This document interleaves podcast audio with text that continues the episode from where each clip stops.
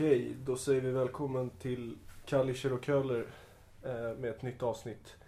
Som idag gästas av Stig Larsson.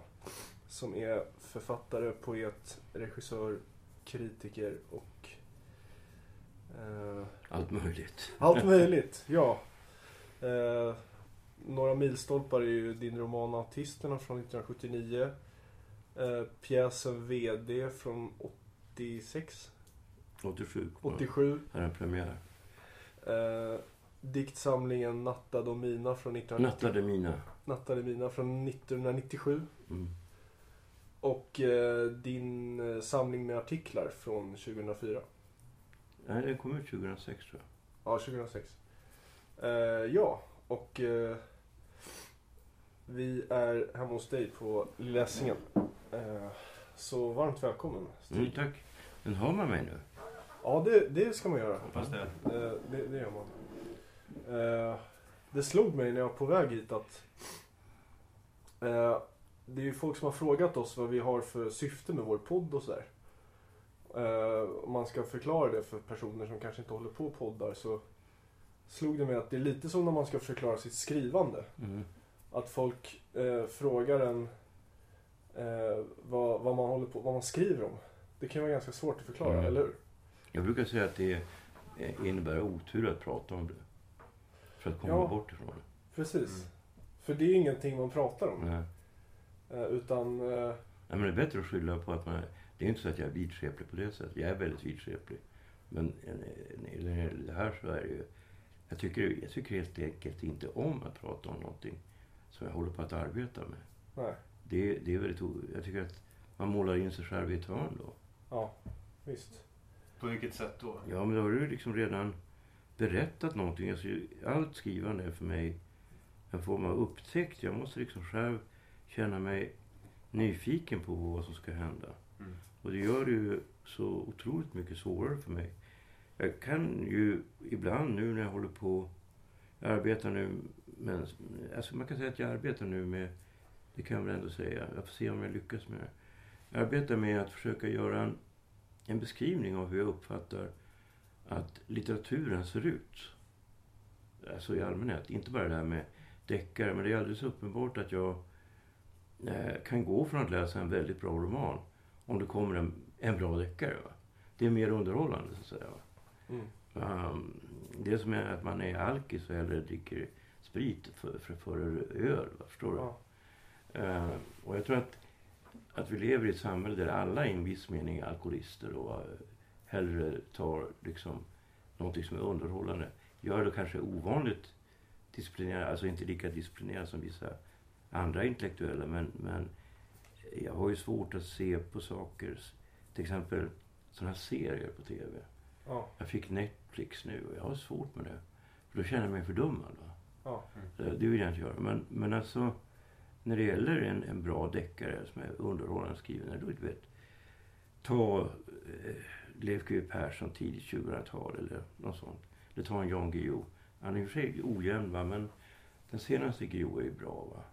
Och då tycker jag det är roligt att läsa det. Och roligt på ett helt annat sätt. Jag läste nu eh, Carolina Ramqvist, eh, Björnkvinnan, som jag tyckte var väldigt bra. Okej. Men eh, den blev utkonkurrerad ett tag av en, en deckare av en helt okänd person. Jaha. Eh, som jag i och för sig läser då kanske på en dag, Ja. eller två dagar. Men, men alltså, eh, det som har hänt under de senaste eh, 30 åren ungefär, eller framförallt de senaste 20 åren, det är ju att eh, litteraturen har blivit, den den kan man säga, litteraturen som riktar sig till en stor grupp människor, den har blivit väldigt mycket bättre. Ja. Alltså inte den här dumma litteraturen.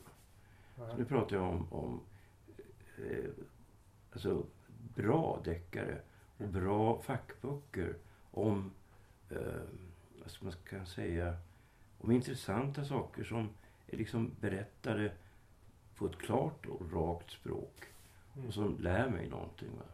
Alltså, du har aldrig haft så mycket eh, underhållande läromedel som nu.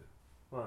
Och det är nog, om man tittar på det i stort så är det naturligtvis en förbättring. Men det har ju som, som bieffekt att du, om du inte är specialintresserad av ett ämne, som jag håller på med lingvistik, ni ser här. Eh, då eh, är det svårt för dig att, eh, att läsa böcker som är krävande. Förstår du? Mm. Du får ingen rutin i det. Nej. Jag läser ju så otroligt olika typer av litteratur. Ja. Och jag tänkte försöka beskriva hur det, hur det är att läsa helt enkelt. För jag tycker att en sån eh, bok fattas på något sätt. Mm. Ja. Det är obekvämt för dig att prata om det här med tanke på det. Ja, nu kommer jag in på det själv så jag får skylla mig själv. Men alltså, jag upplever att för, för mig så är det så att jag, eh, alltså, jag... Jag säger det här därför att jag kanske vill komma på någonting. För jag, jag har inte hittat en bra ingång än. Förstår du? Mm. Jag har försökt flera gånger. Jag var nära att lyckas för två, tre veckor sedan. Mm. Men jag måste liksom själv eh, hitta, ungefär som första meningen. Va? Hur ska den se ut? Va? Mm. Ehm, och det där är något som jag då ett helt liv arbetat så. Och jag, därför skulle jag inte kunna skriva deckare. För då måste man ju liksom... Om man inte... Som Simenon, han gjorde ju så. Att han, han visste inte vem som var mördaren eller så när han började en bok. Nej. Utan han bara skrev. Ja. I hans böcker bygger ju inte så särskilt mycket på vem det är som är mördaren och så. Nej. De är, det, är inte så, det är inte det som det handlar om. Det handlar delvis om det, men Ja. det är mycket annat också. Men, men fördelen med deckare är att du har en inre dramatisk rörelse som gör att du inte behöver liksom dramatik. Va? Nej. Medan däremot den seriösa litteraturen så kräver det ett väldigt speciellt subjektivt sätt att se på världen. Som den som läser tycker är intressant. Mm. Alltså om du läser till exempel Thomas Bernhard. Eller du läser, låt säga, ja, Duras eller Sebald eller någon sån författare. Även om du tar Kapuscinski eller vad som helst. Mm. Som, där du säger att men här har du ett särskilt sätt att se på världen. Då tycker du att det är intressant i sig. Va? Och, och, men alltså har du inte det utan det är mer, låt oss kalla det för mellanlitteratur, mainstream litteratur. ehm, som ju också har blivit bättre tycker jag. Mm. Men även om det är bara en liten del som har blivit bättre. Det mesta är ju faktiskt skräp. Men eh, problemet med det, det är att du... eh, Det är så, blir ofta så jävla tråkigt när jag läser hyllade romaner. Så tänker jag, men herregud, det här kan jag, klarar jag inte av att läsa. Och det gör också att jag litar inte ett dugg på kritiken. Eh, och det gör att jag ibland missar bra eh, författare. Va? Det tog ju flera år för mig att eh, det var Horace som hela tiden klagade på mig så att jag borde läsa Monica Fagerholms Den amerikanska flickan. För jag hade inte gjort det då. Mm. Ja, till slut så började jag läsa den och den är fantastiskt bra. Mm. Även den här glitterscenen. Jag ska läsa den här, den här vem, vem dödade Bambi, vad den heter. Den har inte jag läst. Men den, tredje tyckte jag var ja, sämre. Den var liksom lite grann på tomgång. Men alltså, eh, jag missar ju då kanske bra böcker. Bara på grund av att, att jag har de här liksom, förutantagandena Mm. om litteratur. Mm. Men det, har ju alla människor. Det är säkert människor, det vet jag, det är helt övertygad om. Människor som har fördomar om mig bara på grund av grejer jag har sagt. Som inte läser mina böcker. Mm. Vilken sorts språk tror du blir nödvändigt för att kunna beskriva läsupplevelsen i stort? Behövs det ett litterärt språk? Nej, alltså du ska, ska- skriva så klart och enkelt som möjligt. Ja. Alltså när jag skrev då om både den här boken om Essingen och folk på Essingen, folk på ön alltså, och eh, den här När det känns att det håller på att ta slut. Så anstränger jag mig verkligen för att skriva så eh, klart och redigt som möjligt. Mm. Så att vem som helst ska kunna läsa det. Alltså jag tycker inte att mina romaner är inte ett dugg svåra sådär. va. De är annorlunda. Mm. Och jag har ju aldrig varit ute efter att göra någonting svårt i sig. Mm. Utan det har att göra med att jag själv inte har förstått vad jag har gjort. Det låter ju otroligt flummigt men eftersom jag är så enormt negativ mot att vara flummig Mm. så tror jag att det finns de som faktiskt tror på mig när jag säger att jag vet inte själv vad det är. Mm. Alltså vissa dikter är för mig helt och hållet gåtfulla. Mm. Och det kan ta... Alltså rekordet var en dikt jag skrev eh, i februari 1972. när jag så var 16 år. Och jag upptäcker kvaliteten i det. Då ändå både jag och Horace gått igenom alla de här texterna. Det gjorde vi 1980. Va? Ja. Eh, hösten 80. Alltså mina tidigare dikter. Det var inte så jävla många. Så det mesta var ju skräp. Eh, men både jag och han tyckte nog att det var för flummigt den här texten som heter Operation. Det dröjde eh, 18 år till. Eh, till 1998. Innan jag upptäckte kvaliteten i den texten. Och så att, man kan säga så här att det... eh, Jag försöker skriva så klart som möjligt. Så, så lätt läst som möjligt. Men ibland så, så går inte det. det är, du, du är ute efter någonting. Du är inte ute efter att säga någonting liksom speciellt. Alltså, jag brukar säga det att om jag vill ha en öl så säger jag att jag vill ha en öl. Mm. Jag brukar inte säga då jag vill ha en sherry. Att de ska räkna ut att jag vill ha en öl. Mm. Utan det handlar ju inte om... Det handlar definitivt inte om sudoku, att man ska försöka räkna ut något svårt. Nej. Att man skriver något svårt och Mm. så ska de vara väldigt intelligenta de som läser det. Mm. Eh, Det finns ju litteratur som är skriven så. Och det finns en hel del litteratur. Jag skulle säga att en hel del av det vi kallar för språkmaterialism Mm. är skrivet på det sättet. Alltså, Schiffer. alltså det går för, för mig som är, jag är ändå ganska van läsare att, eh, att klara av att läsa det, tycker jag i alla fall. Jag är inte helt säker. Men eh, jag upplever, det, det är alltid farligt med sådana här ismer. Ja. Alltså det var ju samma sak, man tar konkretismen eh, som gjorde att människor läste Erik Beckman fel. Ja. Eh, han var ju ingen konkretist heller. Nej. Vad var han då? Nej, men man behöver inte vara någon ist. Nej. Det där är ju dumt. Alltså, jag tror att de sista som hävdade att de var några ister Ja. och som på något sätt inte var, inte var dåliga? Mm. och där det var bra. De försökte inte, som inte försökte göra en poäng av det. Nej. Det var den här konstnärliga riktningen som heter fauvism som Matisse höll på med. Ja, ja. Det var väl 30-talet och sånt där. Men jag, mitt intryck är att språkmaterialismen är ganska död just. eh, Det, jag kan inte svara på det. Jag håller på att läsa några nya böcker. Jag läser David Väyrynen till exempel. Ja. eh, som jag tycker är bra. Jag ska Ja. läsa hans nya diktsamling nu. Det, det finns de som är bra. Ja, alltså, jag- den, den kan säkert vara bra, men det känns som att den har... eh, Alltså, jag vill inte kalla honom språkmaterialist heller. nej.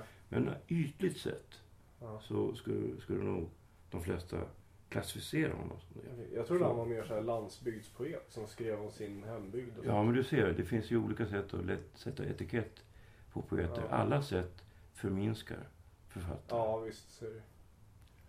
Alltså, Eh, Beckett är en, Ja. en, eh, en författare som skriver om gamla människor. Mm. Ja.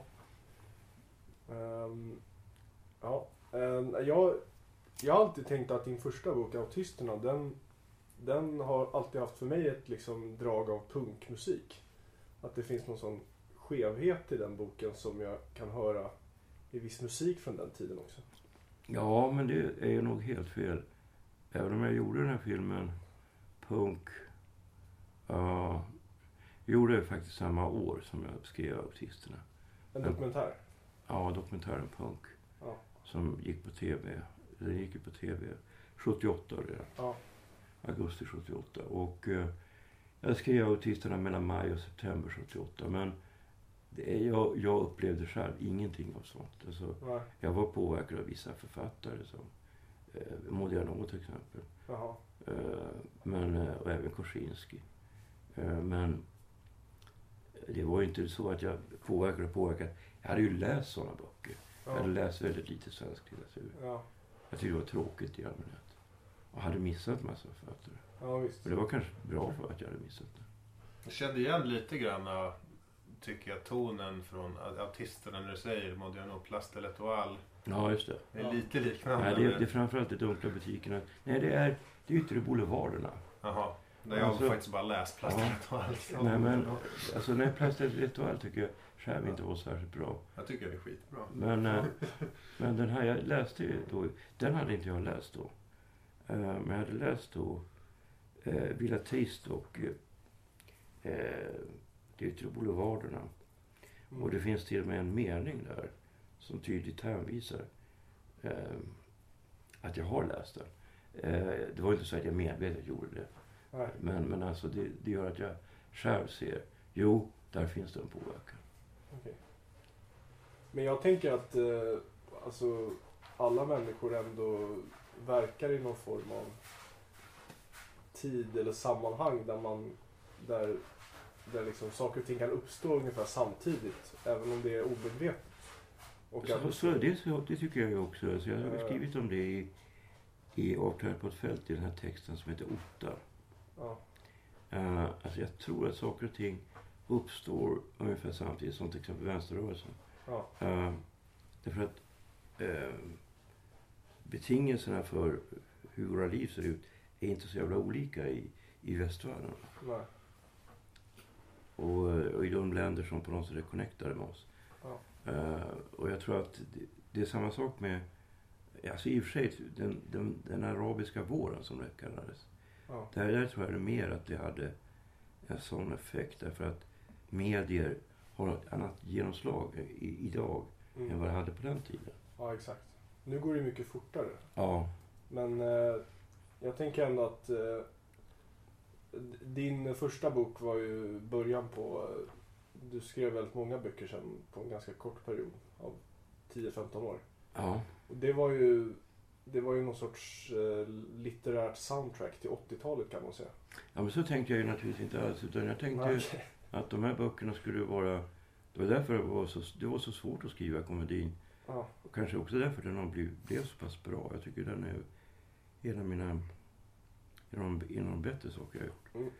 Mm. Uh, därför att jag försökte då göra den så normal som möjligt. Alltså ja, som en tråkig svensk roman. ja, Vilket inte alls passar mig. För jag hade ju ingen aning om heller vad den skulle handla om. Uh, så när jag skrev då så hamnade jag hela tiden fel i början. Det tog fyra år att, att skriva den bara för att... Och det handlade om att jag körde på stickspår som var... Som, den är ju kronologiskt skriven. Uh, från 1969 till 1981. Eller, jag tror att jag skrev... Uh, försökte dra ut den så lång tid i, ti, i tiden som möjligt. Den är skriven fram till hösten 83. Ja. Och då spelades just den här Let's Dance. ehm, som jag då refererar till. Så att jag liksom skulle verkligen gå in i nuet. Och, ja, eh, och det där var någonting som... eh, att jag höll på så jävla länge med det var därför att eh, det tog lång tid att hitta något som gjorde mig intresserad. Mm, eh, i den där ganska tråkiga miljön. Va? Som var så liksom så här förortsmässig och glåmig. Mm, Eh, för det måste ju vara så att jag själv tänker, vad fan ska hända? Mm, Vad är det nu som kommer att hända? Och när det händer, när han till exempel dödar den där eh, tjejen som han är med, som heter Susanne, så blir jag ju helt chockad. Jag hade ingen aning om att han skulle göra det. Mm. Jag gick omkring i... det är nyår va? Ja, det är nyår. Ja. Och så har jag skrivit allting över... Alltså VD skrev så otroligt fort för att jag var ju så nyfiken på vad som skulle hända. Ja, Så den är skriven liksom i, i två sittningar. Va? En sittning på en timme, på tre timmar där jag skrev en timme och 40 minuter. mm, Och en sittning långt senare när jag kom på. Jag skrev ända fram till att han, ända fram till att han vaknar upp. Va? Jag tyckte det var så tråkigt att han var Det hände ju ingenting. Nej. Eh, och då kom jag på att jag kan ju faktiskt uh, ge honom liv. Det är ju jag som bestämmer. mm, Så att alla mina böcker har ju då, när folk frågar mig vad ville du med det? Ja, alltså hur ska jag kunna svara på det när jag själv inte ens visste det? mm. Eh, och det där tror jag, jag tror att alla författare arbetade så. Det Mm. låter ju inte klokt. För det gör de ju definitivt inte. Men jag Men- tänker ändå att det hakar tag lite i vad, vad jag kan känna är intressant med poddformatet. Apropå det vi pratade om förut. Att eh, podden, i alla fall i vårt fall, man vet inte riktigt vad det går ut på. Och det, och det känner jag i din, din podd också. Ändå handlar om. Att ni ofta bara sätter upp en mick och så pratar man. Ja, just det. Och, och det är intressant att det har blivit så stort, att det är så många som är intresserade av det. Och det är som att ingen egentligen vet vad det är, vad det är för någonting som man vill ha. Ja, ja precis. Alltså, det ska finnas en form av nerv i det. Ja. Och därför så har vi, vi kommit på att vi kan göra det bara jag och han. Från Ja. början trodde inte jag att det skulle funka. Nej. Men då har vi, då har vi bara lagt upp ett ämne. Gängskjutningar Iran-Saudi-konflikten eller något sånt där. Va? Ja. Eh, och då försöker vi hålla oss till det. Det tycker jag nästan är bäst när ni är själva.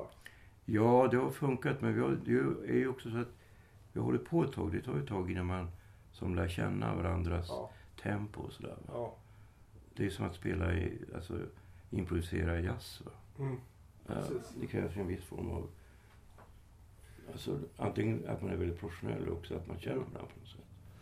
Jo men det liknar ju skrivandet också. Att man, man behöver ju skriva. Eh, man måste ju ändå skriva en del för att kunna komma igång med det.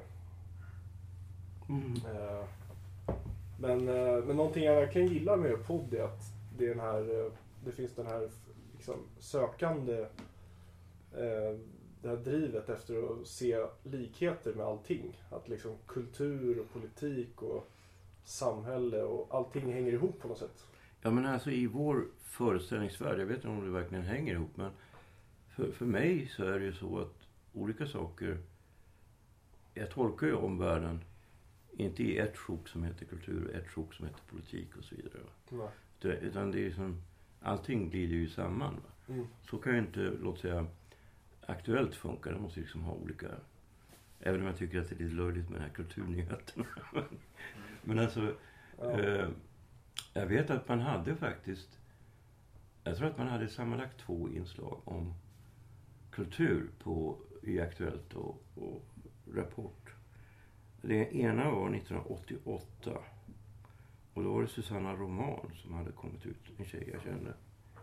Som hade kommit ut med en diktsamling som heter Rymden internationell. Den var väldigt bra den diktsamlingen. Och hon var då i Aktuellt. Hon var väldigt snygg också dessutom. Jag tror att det hjälpte till. Men eh, sen var det ända fram till eh, Nikaran teratologen kom med Äldreomsorgen i Kågedalen. Mm. Den var ju också väldigt bra. Eller bra, den är ju väldigt bra. Killen kan ju skriva. Mm. Men sen upptäckte de till sin förfäran att han hade varit högerextremist i något år när han var i tonåren. Jag menar, kom igen, jag var vänsterextremist. Eh, Jag fick väl vara författare ändå. Mm. Eh, Men han var väl den som har blivit mest håsad av alla författare eh, under min livstid. Mm. Ja, han är ju en intressant person alltså. Just för att han har lyckats bygga ett så liksom, mytologiskt väsen kring Ja, men sig alltså, själv. på grund av genom att han, vem skulle inte göra det? Han, Mm. han var ju helt enkelt... Eh, ty, han tyckte att det var jävligt obehagligt att vara, så gissar jag, jag har aldrig träffat honom, eh, att vara utsatt för den typen av eh, spekulationer. Mm. Men sen visade det sig att han hyste Ja. massa sådana åsikter. Ja, men det visste man ju inte. Det fanns ju ingenting i böckerna i början. Som, eh, jag tror att han drevs att ha de åsikterna Ja. på grund av att han... Eh, jag kan inte uttala mig om- för honom. Va? Nej. Men det är klart, problemet när du marginaliserar intelligenta personer som den här teratologen så kommer det att slå tillbaka. Ja. Jo, visst. Men var det så att han blev, Alltså- han, han hade ju gjort, skändat någon eh, Ja. eh, vad- sakristi vad eller vad fan det var. Och sen så hade han eh, yttrat något antisemitiskt på Nej, gymnasiet. Han hade inte yttrat något antisemitiskt tror jag. jag Du tror det? Nej, men han, däremot han var med i någon höger...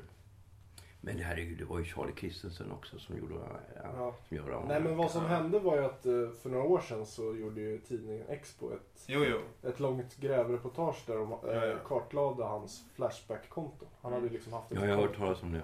på Flashback eh, och de hade kommit fram till att det var han. Ja. Ja, det är mycket möjligt. Men och alltså, hade på, på ganska, alltså de hade ju liksom verkligen så här hackat hans konto typ. Ja, men det Ja. var så uppenbart liksom att det var... Och då var det ju väldigt mycket, han hade publicerat väldigt mycket texter i de här konspirationsteoritrådarna och sånt. Ja. Eh, jag kan ju inte uttala om det. Jag har aldrig läst. nej. Eh, ja, Flashback har jag läst en gång. Det var när jag var på när det var Sö- Södertälje-nätverket, när det var snack om det. Va? Ja. För jag känner ju en massa syrianer här på ön eh, som är näringsidkare. Mm. Och då visade några unga killar mig då, ja du måste titta här på Flashback, här står Ja. det. Det var ju en väldigt, väldigt intressant artikel Mm. eh, som gick igenom och la ut alla namn också. ja, visst. Eh, och jag förstod inte vad det var som var... Jag, tyck, jag tyckte också att det var märkligt att det var så sakligt skrivet och eh, korrekt språk. Mm. Det var liksom inte någon konst. Alltså, det var inte någon galenpanna som hade skrivit det. Nej. Nej, det, Men, men eh, det finns alltså, jag tror att det de flesta människor som finns i offentligheten har ett Flashback-konto. Alltså Jaså, du tror yngre det? människor. Ja, det, det är jag ganska säker på. Jaha. Eh, Det, Vad innebär ett Flashback-konto? ja, det är att du har registrerat dig under ett namn. Det behöver inte vara ditt eget namn. Nähä. Och så kan du eh, skriva saker där. Jaha. Eh, jag vet att Johannes Nilsson till exempel har, det har, det har han varit öppen med. Mm. Men du känner ju honom. Eh, Nej, jag känner inte honom. Jag, jag, har träffat honom. Ja. Ja, han har ju skrivit väldigt mycket på Flashback och han visste ju att, eh, alltså enligt honom så visste alla på Flashback att det var teratologen. ja. Så därför tyckte de inte att det var någon så här gräv när Expo Nej. eh, över, avslöjade det. Men eh, ja, han har ju skrivit jättemycket där. Och ja, det finns ju massa sådana här litteraturtrådar på Flashback. Där de håller på att snacka om litteratur och sånt. Mm. Och, Ja, men det kanske är bra. Alltså, grejen är den att jag har nu, först nu, bestämt mig för att jag ska försöka lära mig internet. Jag skulle Ja. gärna vilja ha någon som lärde mig det. Det här är kanske ett bra forum. Um, och försöka söka rätt på någon som är duktig på datorer och, och har, har tålamod med en som är väldigt oteknisk. ja. För jag, när jag ska övergå till ett annat medium. Jag vet när jag då till slut för, det var fyra år sedan. och Sånt, så syrran gav mig en mobiltelefon. Så började jag använda den. Va? Jag tycker nog att det som är alldeles uppenbart är, är dåligt. Mm. Alltså till exempel att man säljer droger på nätet till barn. Mm. Uh, istället för att hålla på med, ja vi vet inte om det där är en drog eller inte. Förbjud bara rakt av. Och så tror du de tillåter det i Saudiarabien eller Nordkorea. Eller Kina för den delen. Alltså de säger nej men det är omöjligt, man kan inte. Vadå? Uh, alltså jag, jag, jag förstår mig inte på det här fria samhället. Alltså det leder ju bara till olycka. Mm. Mm. Det, det är lite för gränslöst kanske. Alltså, det, alltså, grej, alltså vissa grejer är ju helt enkelt, man behöver alltså, även de som langar droger Mm. tycker själva att inte att det är en bra grej. Nej. Alltså nu finns det ju en del unga människor som verkligen tycker det. Eh, alltså jag höll ju på med droger framförallt på 90-talet men även på 00-talet. Jag fick en hjärtinfarkt 19, eh, 2010. Men alltså fram till dess under 25 års tid, eller kanske 22 års tid, Mm. så rörde jag mig, alltså köpte jag ju så tjack av langare. Mm. Och eh, de langarna, de, de använde ju själva och det var ju väldigt svårt att få tag på, på en bra langare. Mm. De var ju väldigt mycket emot det. De skulle aldrig ha tillåtit om de hade barn eller något sånt. Nej. Att de började hålla på med det. Mm. Och för de visste ju att det var ett... De visste ju liksom vilken skit det var. Va? Mm. De hade också, upplevde jag, var ganska ansvarstagande gentemot mig. Och om jag var i dåligt skick så sa de det. Du får, vi måste, Mm. måste fixa till det här Stig. Alltså.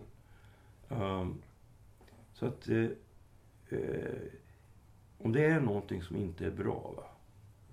Eh, då ska man nog inte heller tillåta det. Det, det är så självklart. Jag tycker inte... Nej. Det med rätt och fel, det tycker inte jag är någon svår grej. Nej. Du är lite pragmatiker istället för princip. Jag är väldigt pragmatisk. Ja. Så jag tycker att man ska försöka ha ett samhälle som är så bra som möjligt för så många som möjligt. Jag känner inte det, kännetecknar inte det ofta någon slags vuxenhet? Att när man är ung så är man väldigt principfast och tycker om att ha ett principfilter som man applicerar på alla frågor. Och Nej, när man blir äldre så förstår man att det ofta är en komplex avvägning där det pragmatiska förhållningssättet blir mest rimliga. ja, det kan ju hända att det ligger någonting i det. Det ligger absolut någonting i det. Men för min del, det började ju då med att jag insåg att det inte skulle bli någon revolution. Mm. Och då var jag alltså 17 år. Och beslutade mig för att lämna vänstern. Mm. Och, och det var inte alls av politiska skäl utan det var eh, att jag helt enkelt fattade att det här kommer inte att gå. Ehm, och att jag överhuvudtaget trodde på det kan ju låta tokigt men på något sätt så tror jag ju fortfarande, jag, ty- jag tycker fortfarande att det inte är okej med utsugning. Alltså det här kapitalistiska samhället är på något sätt nödvändigt, i alla fall idag. Eh, för att människor överhuvudtaget ska jobba, för att man ska komma fram till grejer, lösningar och så. Mm. Och man, man ser på hur Kina utvecklades då när, eh, alltså när, när eh, efter Maos död. Va? Och man fick en mer ordnad form av kapitalism. Men däremot så är fortfarande kommunistpartiet, de är lika mycket kommunister idag. Mm. Eh, och de, är, de ser sig själva. Jag har faktiskt träffat då, jag satt, vid samma, jag satt bredvid eh, kulturministern i Yunnan. Och Yunnan är bra mycket större än Sverige. Eh, och han var ju så en vanlig snubbe med glasögon och rutig Och, ja, alltså, det är ju inte så att de, som- de i kommunistpartiet lever något jävla lyxliv. Nej. Det kanske de har. De har ju naturligtvis en bra lägenhet och sådär. Men alltså de tror ju på fortfarande de grundläggande frågorna där nere. De är inte kommunister på ytan bara. Nej, okej. Alltså det, det är helt fel att tro det. Och det var samma sak, misstaget, det upptäckte jag när jag reste genom Sibirien. Alltså att de här som var, eh, fram, framförallt var det så i Sibirien, för de hade ingen information från väst. De trodde verkligen på det de höll på med. Mm. Och det gjorde att det föll så snabbt. Därför när de upptäckte då, när de fick information från väst, så gick det som en löpeld. Uh, att de inte längre trodde på det. Då, då, då faller ju ett system. Och jag menar, ett system som här i väst kan också falla eh, väldigt snabbt och det blir väldigt stökigt. Va? Mm. Och det har att göra med, så allting som är, det är det som är problemet. Det är det som gör mig så eh, upprörd över det jag kallar för hyckleri, lögn och eh, sådana saker som, som, som helt enkelt kväver det offentliga livet. Va? Alltså det som, det var Ann-Charlotte Matteus som kom på det här uttrycket åsiktskorridoren som jag tycker är ett väldigt bra uttryck. Eh, och när var det? Det var någon gång i början av 2000-talet. 2013 kanske? Var det så sent? Ja, nej, men alltså, därför att det, alltså problemet med det är att det funkar inte att eh, inte vara uppriktig om saker. Va? Alltså det, det, det skadar mer därför att det gör att, att eh, allting bara skjuts upp. Eh, man kanske inte kan vara hur uppriktig som helst. Jag har kanske ibland varit för uppriktig och det har- jag också betalat ett högt pris för. Men jag menar, att, jag menar nog att det är ett ideal att vara upp, så uppriktig som du överhuvudtaget kan. Ja, det finns ju även gränser för mig. Har du läst Spengler? Nej, jag har aldrig läst honom. Nej. Eh, nej, jag tycker, jag, jag vet, jag känner till Ja. Eller, hans bok. Mm. Der, der, der un, vad fan heter den? Der Untergang des Abendlandes. Mm, Västlandets undergång. ja. Ja, men, eh, jag vet inte, man brukar ju säga, Adam Smith sa väl att det, there's a great deal of ruin in a nation. Och att... När du pratade lite grann här om den plötsliga, plötsliga kommunistiska implosionen och att det finns vissa tecken på att även det västliga samhällsetablissemanget är väl kanske på olika sätt hotade. Mm. Eh, Men, eh, eller det jag associerar till är lite grann att Dostojevskij och Nietzsche förutsåg ju ändå att det skulle bli en eh, ett, alltså att det skulle bli en, alltså inte just kommunistiskt maktövertag i Ryssland. Mm. Men att det skulle bli en kris när de här västliga idéerna, upplysningsidéerna som hade mognat i väst under liksom Mm. 300 års tid introducerades och liksom Mm. krossades mot den här äh, kristna ortodoxin. Ja. Och att det uppstod ju ett, ett vakuum. Och det är liksom ganska mycket som det bröderna Karamazov handlar om. Ja, även, även ond- onda andar. Ja. Eh, onda andar kanske ännu mer. Vad var poängen med den här utläggningen? Nej men alltså, Jo, men alltså det är klart att, är det att, som, att, att, eh, att författare är ju liksom känsliga Mm. för sin tid och så. Särskilt om de är så pass stora författare som, ja. Mm. som eh, Dostojevskij så har det ju också ett, ett grandiost självförtroende. Det hade han ju, jag har ju läst hans brev till sin brorsa, alltså brev fr- från när han är 16 år gammal. Mm. Alltså det självförtroendet han hade, det gör att det självförtroende jag har verkar när- närmast eh, ödmjukt.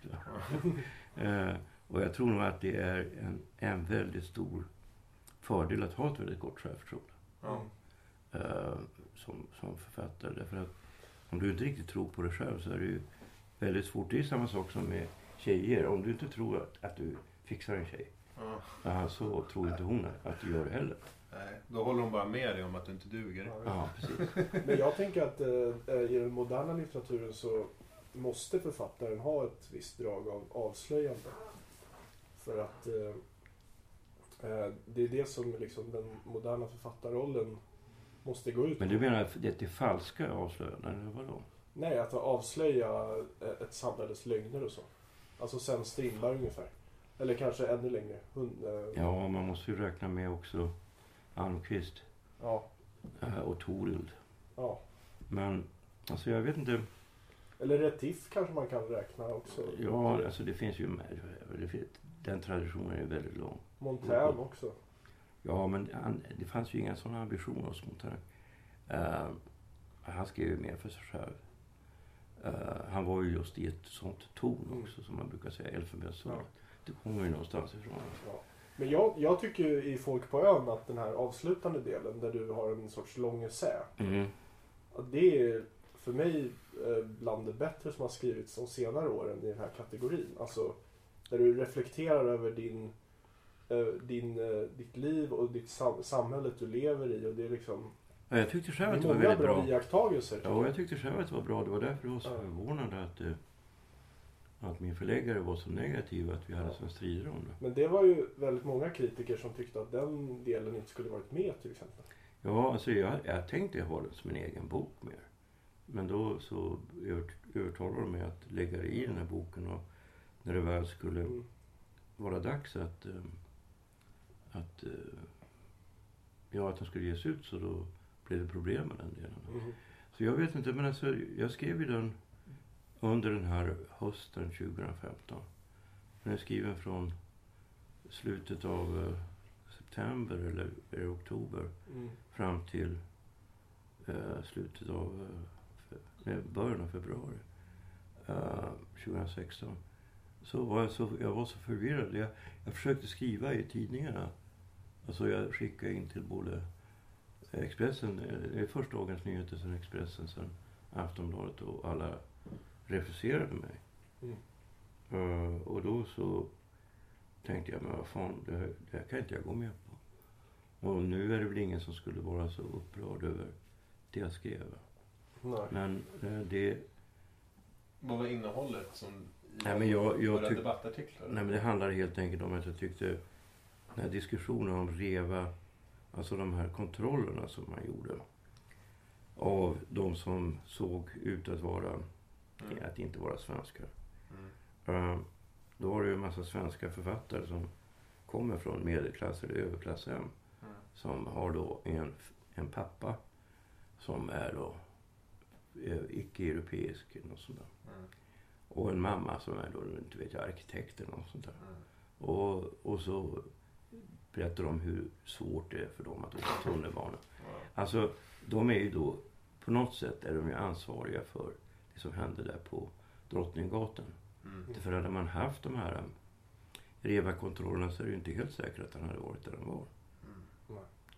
Eh, Det var ju en väldigt och- speciell tid det där i slutet på 2015. Ja, men det, det avskyvärda var att de gjorde, de försökte tjäna på att vara invandrare. Alltså när jag lärde känna en grupp alltså killar som var, som hade liksom en kriminell bakgrund? Alltså på mitten av 90-talet. Så, så var de ju stolta över att de var, att de var invandrare. Va? Mm. Och betraktade det som, de ville absolut inte när Torsten skulle göra den här grejen. Jag skrev ju en helt annan pjäs då, som jag publicerat, Ta stryk. Men Torsten ville att man skulle ta upp rasism och de sa, det finns ingen rasism. Vadå? Uh, och jag tror, att, jag tror att det är så här att i mitten av 90-talet i Stockholm så fanns det verkligen ingen rasism. Eller ytterst marginellt. Det fanns ju ändå en del skinheads. Men de var ju så få. Mm. Uh, och däremot så kan det nog finnas det idag. Mm. Uh, men alltså, jag upplever då att, att jag, när jag inte får säga vad jag vill säga. Mm. eh, så upplever jag, vem fan ska kunna säga det då? Är det någon etablerad författare? Mm. Och, och det där är någonting som...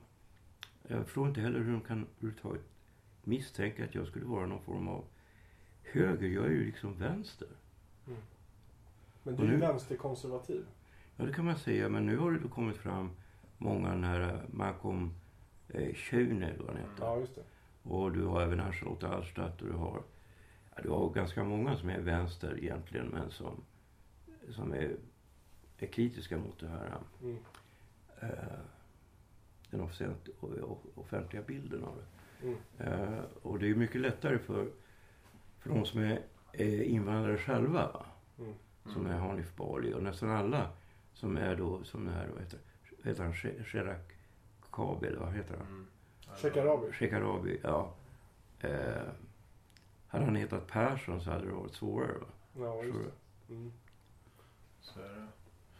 Men jag tänker det, det här med att man, man lite grann kapitalisera på en stigmatiserad bild av, av invandrare som eh, relativt uppburen medelklassperson. Att det är lite... Eh, att det är det är, det är ganska... Det är en töntig grej. Eh, och... Eh, men det jag tänker är lite grann att många av de här kriminella kapitaliserar ju också på en bild, stigmatiserad bild av invandrare. Eh, alltså det, Ruben Östlunds film Play handlar ju om det. Att de här svarta killarna, ja, de utnyttjar det naturligtvis. de behöver ju... Ja, men herregud. De behöver ju i princip bara visa sig och antyda eh, Ja, de behöver saker. inte göra de särskilt behöver mycket. inte, behöver inte demonstrera något faktiskt våldskapital. Utan Mm. det finns liksom underförstått. Ja. Mm. Nej, men Eh, alltså- och det är ju på något sätt, det är ju en äcklig grej också. Men eh, jag vet inte, där utgår det i alla fall från någon form av styrka. Jo, men alltså problemet är ju att när det kommer till kritan så är ju då våld en realitet. Mm, Och det är ju väldigt obehagligt. mm, Jag vill ju helst leva i ett civiliserat samhälle. Och problemet är att eh, när man då förtränger att, att det finns en...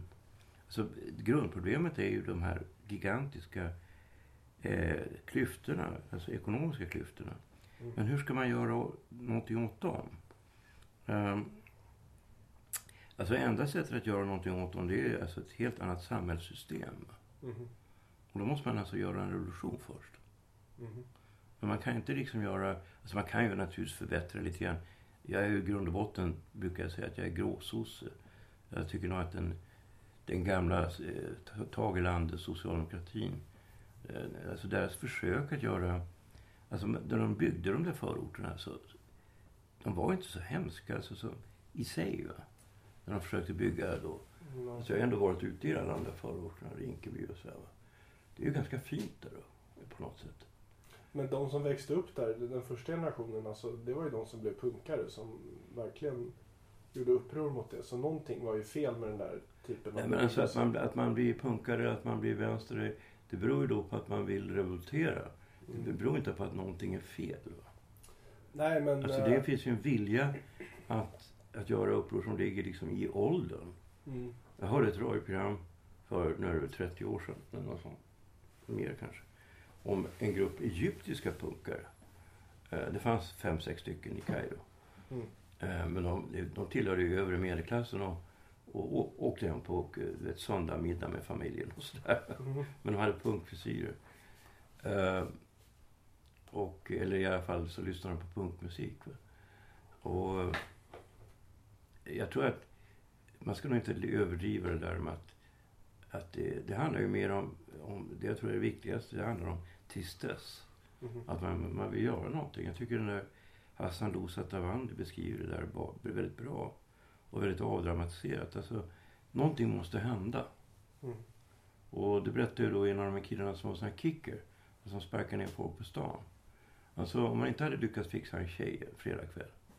Då gick man ner i tunnelbanan så tillhörde man, man olika, så är det ju fortfarande också tydligen. Man tillhör olika li, eh, färger. Mm. Alltså blå linjen, röda linjen, gröna linjen. Va? För man är beroende av att kunna åka på de här linjerna. eh, För att ta sig hem. Va? Mm. Och så stannar man till då på några av de här platserna där de här möts. Och, så, och då blir det fight va, mellan de här. Och då kan man liksom bara helt random gå ner på, så var det då på 90-talet, mitten av 90-talet. Och när du har varit med i, i slagsmål, det är samma sak med de som är huliganer. När du har slagit sida vid sida med någon va, så uppstår en väldigt stark gemenskap mellan er. Mm. Ni har varit tvungna att lita på varandra. Det är samma sak med, med krig. Va? Och det finns ju någon, någonting attraktivt i det där. Mm. Det var, det var ju väldigt farligt och den här killen, killen insåg ju till slut att det var väldigt farligt att man kunde faktiskt döda människor. Mm. Och, och la av då sen. Han, han kom till en punkt när han inte kunde genomföra det. När han, inte, han var inte tillräckligt brutal så att säga. Mm. Och det där är någonting som... Han var ingen ond människa, tvärtom. Han var en väldigt snäll kille. Mm. Men eh, vänjer du dig vid, en, vid att ha en viss kultur så är det inget konstigt för dig att använda dig av, Nej. av våld. Mm. I vems ögon är det attraktivt? Nej men alltså dels är det, alltså, dels är det någonting som eh, en hel del tjejer Mm. eh, tycker är attraktivt med män som har våldskapacitet. Det är Mm. ingenting att hyckla om. Dels är det också i andra mäns ögon. Alltså, eh, Horace skriver ju om det i den här senaste boken om manligt och kvinnligt, eh, eh, det, obekymrade. Att eh, vad är det som män respekterar hos andra män? Uh, jo, det är förmågan att attrahera attraktiva kvinnor hos andra män. Alltså det, du ser en kille som har kapaciteten att få snygga tjejer. Mm. Det måste du acceptera att han är, han är bra på det där. För du vill också vara det. Just det. Sen är det eh, våldskapacitet. Vem som har mest våldskapacitet. Och i vissa lägen är det nummer ett. Mm. Och sen är det intelligens. Att du är smart. Mm. Och det där konstaterade jag redan för 30 år sedan ungefär. Man vänder på det hela. Vad vill du inte? Vad tycker du är, är tråkigt att höra om dig själv? Du vill, inte, du vill inte vara feg, du vill inte vara ful och du vill inte vara korkad. Men däremot att någon säger att, att du är taskig. Ja, jag är lite taskig. Mm. Alltså, det där med hur människor i verkligheten agerar och hur de är. Mm. Men i offentligheten skulle väl folk säga att det handlar mer om vad man har för värderingar och sånt? Ja, men de ljuger ju. Nietzsche... Då börjar vi föra tankar till Nietzsche lite grann. När det där. Ja. Att det är mycket... Vad är det? Han säger väl att, att all moral är inte... Eh, internaliserad svaghet. Alltså, men all, all svaghet rättfärdigas i form av moral. Ja, nu är jag ju ingen nietzschean. Alltså, jag, är- jag är ju då katolik, jag är kristen. Ja. Uh, men jag, Men jag tänker att det kan ligga någonting i alltså, jag tycker att Nietzsche är en väldigt intressant eh, tänkare, men jag håller inte med honom om allt. Men han är ju alldeles uppenbart, han har ju fått en så stor betydelse även på senare tid. Det är egentligen först för, vad var det, 10-15 år sedan som han började liksom komma ut stort här, även här i Sverige. Va? Och då hade det gått över 100 år sedan han dog. Mm. Teratologen är ju Nietzschean. Det är mycket möjligt, jag vet inte. Det, det, det märker man när man läser hans Flashback-trådar i alla fall. Ja. Men jag tänker att det är, jag vet inte. Jag tycker, för mig är det ganska uppenbart att det där är sant. Att eh, när man rättfärdigar idéer om att, att det är fint att, att inte, att inte, att det är finare att, att inte slå emot. Eller att inte använda, Ja, men visst är det det. Alltså, jag tycker ju då så då är det ju en form av Ja, jag vet inte det. svaghet som man Nej. upphöjer till Alltså man ska, för det första så är det så här att det är, att använda sig av våld Mm, är ju någonting som du bör undvika om du har våldskapacitet. mm, Eh, för du är, du är en dålig människa om du använder dig av våld. Och att om du, framförallt om du slår de som är svagare. Så är du, så är du ju en väldigt dålig människa. Mm. Det tycker ju faktiskt alla. Mm. Eh, och därför så finns det ju liksom inga som tycker att det är häftigt att slå pensionärer eller något sånt där. Förstår du? Eh, och, och jag menar, när det sker så är det något som alla känner en spontan avsky eh, inför. Va? Mm. Alltså det här med svaghet och styrka ska man inte se... Eh, liksom, det är inte det, men alltså det, är klart, det är klart att det är en fördel att kunna använda våld. Mm. Att kunna ha makt. Eh, att kunna stå emot människor. Det är någonting som är attraktivt och någonting som på något sätt med rätta är attraktivt. Eh, sen ska man naturligtvis agera på ett moraliskt oklanderligt sätt. Och där tycker jag att man gör, man pratar för mycket om någonting som är självklart. Det är, själv, det är självklart vad det är som är fel och vad det är som är rätt. Det är, inga, det är inga konstigheter. Jag, jag håller inte på i mitt liv och undrar, är det här rätt eller är det här fel? Jag hade ju väldigt stora problem att komma fram till vad jag skulle bikta mig för när jag skulle göra en sån här generalbikt. Det var ju verkligen inte mycket jag biktade mig för. Det kanske blir mer, så- mer sen. Va? Man måste vä- vä- vänja in sig vid en, vid en viss eh, hållning, va? även som kristen. va? Ja. Och du kan inte hålla på och ljuga för Gud, det funkar inte. Nej, men det här med att styrka är attraktivt. Eller tyglad, tyglad aggressivitet, aggressionspotential är attraktivt. Det är ju, det är ju logiskt ur en evolutionär biologisk synvinkel. Ja, jag tror att det helt enkelt bara är så banalt. Ja. Alltså kvinna, en kvinna med ett nyfött barn är inte en... Historiskt sett. Vi har ju levt i det som jägare samlare under större delen av vår historia. De, en, en kvinna och ett nyfött barn är inte en, en, en enhet som klarar sig själva. Det är ingen självständigt fungerande enhet. Det behövs någon form av fungerande beskydd. Ja, Eh, men alltså om du tittar på historien då så tänker du dig när indoeuropeerna rör sig hit och sen när ehm, ja, ja, vad heter det, det kom heter det, perser, det kom sen eh, turkar och så kom sen mongoler som var ju då krigarfolk som välde in här va, mm. i Europa. Det var ju ett av de folken, nämligen ungrarna, som lyckades ta åt sig en landmassa. 800-tal, tidigt 800-tal. Och eh, det är någonting som, när man var mitt uppe i det hela, och vi säger samma sak med vikingarna, så upplevde ju alla som var utsatta för det här det som en katastrof. Naturligtvis. Och man kan också säga att, att det bara var ungrarna, det säger också någonting om hur, hur instabilt det är att bara, att bara bygga på våld. Va? När du tar de germanska stammarna som anföll Sydeuropa så förlorade de sina språk på två generationer, eller alla. De enda som, som överlevde som språk, det var de östgoter som hamnade på sniskan. Som, som kom så fel att de hamnade på Krimhalvön. Och eh, levde där som fiskare, som naturaliserade sig. Och levde där som fiskare. Den här krimgotiska, som finns i två versioner. En som heter texatiliska och en som heter krimgotiska. Ehm, de fanns ända fram till sent 1600, tidigt 1700-tal. Eller i alla fall 1600-tal. Ehm, och det fanns spår av det. Det var ju långt, långt senare gör det var därför att de la av att hålla på med våld. Därför att om du gör det, du, det som händer, Indien har hela tiden blivit, eller nu har de ju inte blivit det på, på, på ett tag, men norm, normalt sett så har de ju eh, varit ockuperade framförallt av afghaner. Som åker ner och så röjer de och härjar. Eh, och de stackars indierna är fredliga och de gör inte så särskilt mycket motstånd. Utan afghanerna blir istället indier. Det tar bara liksom en generation. Mm.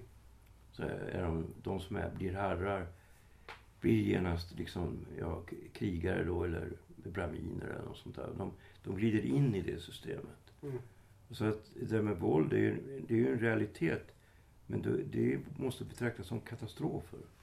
Alltså när det, när det sker den typen av rö- folkrörelser som är till för att döda andra. Eh, så måste man betrakta det som rakt av som katastrofer. På samma sätt som det är med en, en eh, orkan eller en, en jättelik brand. Va? Eh, ett, en jordbävning. Så vi kanske slutar där. Ja, men vi bra. kanske ska göra det. det. Det var en mäktig avslutning. Mm. Ja.